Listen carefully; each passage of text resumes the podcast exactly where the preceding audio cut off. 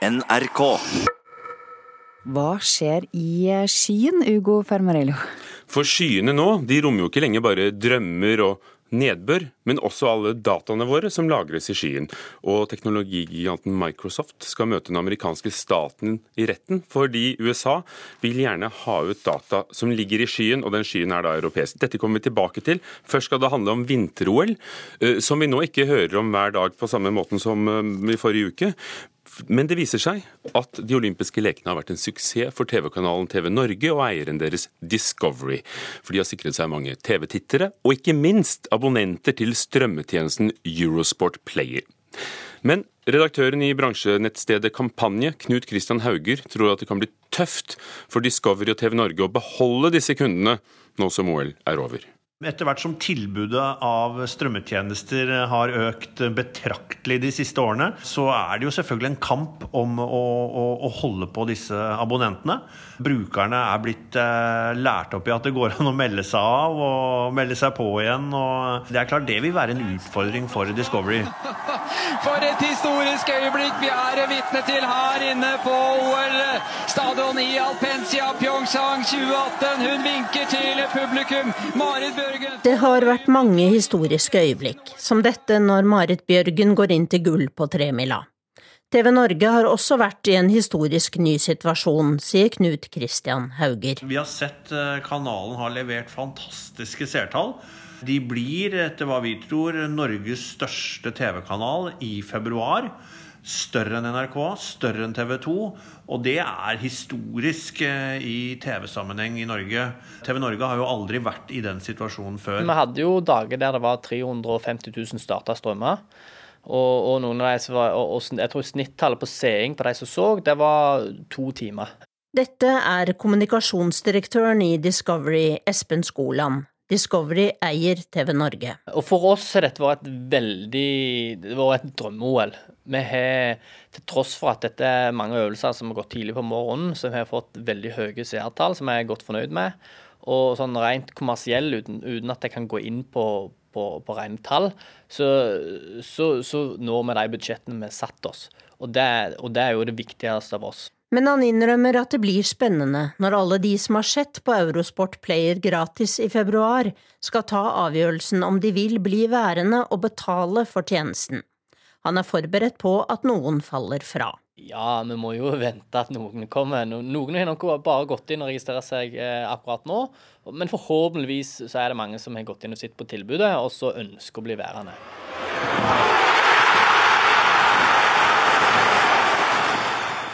Dette er seermagneten TV Norge håper skal få seerne til å bli på spilleren. Eliteserien i fotball som sparkes i gang om to uker. Vårt håp er jo at folk skal bli med oss videre inn i Eliteserien. Og vi er jo heldige, eh, for Eliteserien kommer jo opp nå om to uker. Så tanken er at eh, OL er et promoteringsvindu for hele sportsporteføljen vår på Eurosport Player, og spesielt Eliteserien. Og dette har vi jo også kjørt ganske tung markedsføring for uh, rundt sendingene, og, uh, og, vi begynner å markedsføre Eliteserien uh, bredt nå. Knut Kristian Hauger mener TV Norge har levert i OL, men de må bli enda bedre på det digitale, mener han. TV Norge var oppgaven eh, stor nok til å samle nasjonen og gi dem et eh, OL eh, med stort engasjement og med flotte bilder og gode kommentatorprestasjoner. Så alt det står det respekt av. Men de må bli enda bedre på, på det digitale hvis de, skal, hvis de, skal, ta en posisjon i, i det nye TV-markedet. Sa Knut Kristian Hauger i kampanje, og reporter her var Tone Staude. Det skal handle om uh, stor data, som det kalles, big data. Teknologiselskapet Microsoft skal møte USAs uh, altså staten USA i høyesterett i USA i dag. USA har bedt Microsoft om å utlevere e-poster som selskapet har lagret i sitt datasenter i Irland. Men Microsoft avviser å gi ut informasjonen, siden den befinner seg i et annet land. Dette er kort hva det handler om. Denne saken begynte i 2013, da amerikansk påtalemyndighet begjærte en lang rekke e-poster utlevert tilhørende en kunde av Microsoft. E-postene skulle inneholde viktig informasjon i forbindelse med en narkotikasak. Microsoft ga fra seg mye, men ikke alt. Noen av disse e-postene er lagret i USA, de kunne politiet godt få, mens andre e-poster ligger på servere i Irland, da som Microsoft Stopp. Dette er et annet land, da gjelder andre lover, var beskjeden. Microsoft vant forrige runde i retten, men den amerikanske regjeringen har anket saken til Høyesterett. Myndighetene mener det er viktig å ha muligheten til å handle raskt i en digital verden. De vil slippe omveier og heller kunne bruke nasjonale lover mot et amerikansk selskap som Microsoft. Konkurrentene stiller seg bak Microsoft i denne saken. Google har lignende saker på vent i rettssystemet. Reporter Thomas Alvarstein Ove. Gisle Hannemyr, universitetslektor ved Institutt for informatikk ved Universitetet i Oslo. Og nettopp eh, med personvern som eh, spesiale, hva kan konsekvensene bli hvis eh, amerikanske staten vinner mot Microsoft? Ja, øh, Sannsynligvis, hvis de vinner, så vil det bety vanskeligheter for amerikanske skilselskaper som har da, datterselskaper innen i Europa. Fordi at øh, brukere av slike skytjenester så langt har jo stolt på at det er europeisk lov som gjelder i Europa. Hvis man plutselig ved å bruke et amerikansk selskap blir underlagt amerikansk lov, så er det sikkert noe som mange ikke kommer til å ha lyst til, og kommer da til ikke å kjøpe tjenester hos disse amerikanske selskapene. Men hvis USA da får medhold, og, og, og da anledning til å hente ut informasjon fra Microsoft og andre uh, selskaper uh, Dette er da en narkotikasak. Kan, kan dette ha en smitteeffekt? Kan det bli sånn i alle, alle mulige saker? Ja, altså, altså, jeg oppfatter det som det er en prinsipiell sak som nå går for Høyesterett i USA. Det de ønsker å prøve for retten, det er om denne loven som har gitt da staten hjemmel til å utlevere disse e-postene hos Microsoft, om den, ha, altså den, loven har gyldighet utenfor USAs grenser. Og Der mener staten at ja, det har den, og Microsoft mener at nei, i Europa så bør europeisk lov ha forrangen. Men eh, amerikansk kongressen er jo i ferd med å endre loven for å gjøre det helt eksplisitt klart at denne utleveringsloven også skal ha gyldighet utenfor USAs grenser. Så Sånn sett så så ser det ut som staten får det som, som de vil uansett, enten gjennom å vinne fram i Høyesterett eller gjennom en lovendring. Men nå gjelder jo dette da etterforskning av kriminalitet. Eh, så lenge man ikke befatter seg med slikt, har man jo da å risikere å være underlagt amerikansk lov, all den stund vi tenker at USA er en rettsstat? Altså jeg mener at uh, det dreier seg om prinsipper at eh, USA bør ikke ha mulighet til å bestemme over hvordan ting skal håndteres i Europa. Eh, amerikanske myndigheter burde etter min mening gått via det irske rettsvesenet for å få tak i disse e-postene. Sannsynligvis vil det irske rettsvesen gi medhold i det, siden det dreier seg om en alvorlig narkotikasak. Men de ønsker altså at deres egen lov også skal ha innvirkning i Europa. Skyen er jo et, et, ganske stort og diffust begrep, akkurat som himmelhvelvingen over oss. Gisle Hannemyr, veldig mange kjøper seg skydatatjenester via mobilen eller på PC-en. Eh, hvordan har du gjort det? Nei, altså jeg, jeg har uh kjøpt skytjenester jeg, fra amerikanske selskaper. Eh, I mitt tilfelle et som heter DigitalOcean. Og eh, det er helt klart at jeg kommer til å bli nødt til å revurdere det dersom den amerikanske høyesterett finner i disfavør av skytjenest, amerikanske skytjenesteleverandører. Da er jeg nødt til å, å, sannsynligvis finne andre løsninger enn å bruke amerikanske selskaper som underleverandører. Men hvilket hvert land hvor den skyen folk selv velger, om det er i Irland eller Norge for den saks skyld, være underlagt eh, helt vanlige prinsipper som at politiet kan begjære ting utlevert i jo, etterforskninger? Ja, altså det, det, det, selvsagt, altså Når det gjelder kriminalitetsbekjempelse, så må ha politiet mulighet til å begjære ting utlevert. Men etter min mening er at hvis skytjenesten fysisk lagrer dataene i Europa, så er det europeisk politi og europeisk rettsvesen og europeiske lover som skal gjelde. Altså ikke uh, at USA skal kunne eksportere sitt rettsvesen til Europa. Takk skal du ha. Gisle Hannemyr, universitetslektor ved Institutt for informatikk ved Universitetet i Oslo. Og saken mellom Microsoft og den amerikanske staten skal altså opp i høyesterett i USA i dag.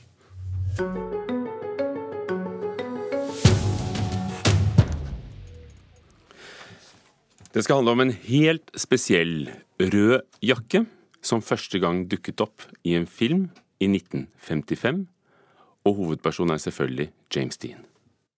You're not tearing me loose again. Well, this is news to me. Just why are we moving? Oh, do I have to spell You it out? You are not going to use me as an excuse again. I don't. Every time you can't face yourself, you blame it on me. That is not true.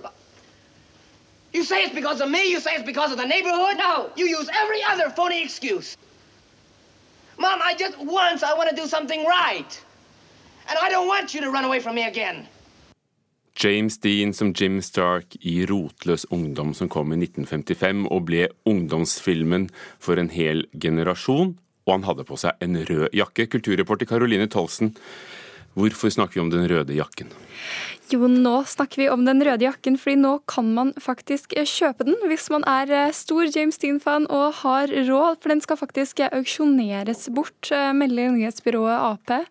Den skal altså auksjoneres bort i Florida, og deleier av auksjonshuset hvor den skal selges, sier at den er estimert til å være verdt mellom 400 til 600 000 dollar. Og hun sa videre at jakken er like viktig for popkulturen som f.eks. en kjole brukt av Marilyn Monroe, eller en av Michael Jacksons eh, hansker eller eh, Elvis Presleys eh, skinnende jumpsuits. Og han ble jo litt av et stilikon, og det morsomme er jo at Rotløs ungdom skulle vært tatt opp i svart-hvitt, men så gikk de for farger uansett, og derfor ble den røde jakken nettopp rød. Men James Dean hvor, og, og jakken, hvorfor er det så viktig? Altså, James Dean gjorde jo stor karriere på 50-tallet som skuespiller, eh, og filmene hans har hatt eh, stor betydning for som du sa i sted, en, en, hel generasjon, eh, for ungdomskulturen og popkulturen også i senere tid. Dean rakk bare å spille inn tre filmer. Han døde i en tragisk trafikkulykke bare 24 år gammel i 1955. Og han har jo, det sies at han har, jo blitt et av tidenes største ungdomsidoler, nominert til to Oscar etter sin død, og har en egen stjerne på Hollywood Walk of Fame i Los Angeles. Takk skal du ha, Caroline Tolvsen. Jakken eh, går altså i pensjon om fire dager. Kunstneren Eirik Senje opplever eh, oppmerksomhet og gode dager for tiden. For aller første gang er han utstilt eh, separat, og det på selveste, for det kan man si, når det handler om Galleri K i Oslo. For det er et galleri som har fått anerkjennelse for, for, å vise mye bra. Og ikke nok med det, så stiller han ut samtidig i Kunstnerforbundet, som er kunstnernes eget galleri. Mona Palle Bjerke, kunstkritiker i NRK. Kan du begynne med å fortelle oss litt om hvem Eirik Senje er? Han er født i 1982 og er utdannet ved Statens kunstakademi. Han er en kunstner som vi ikke har hørt så mye om, eh, frem til han gjorde seg bemerket på Skulpturbiennalen i 2017. Men nå er han også tatt inn i stallen til Galleri K, og det må jo beskrives som et gjennombrudd i karrieren. Hva lager han? Ja, Han lager en type hybridarbeider. altså Det er verken maleri eller skulptur, men noe midt imellom. En type relieffer som henger på vegg.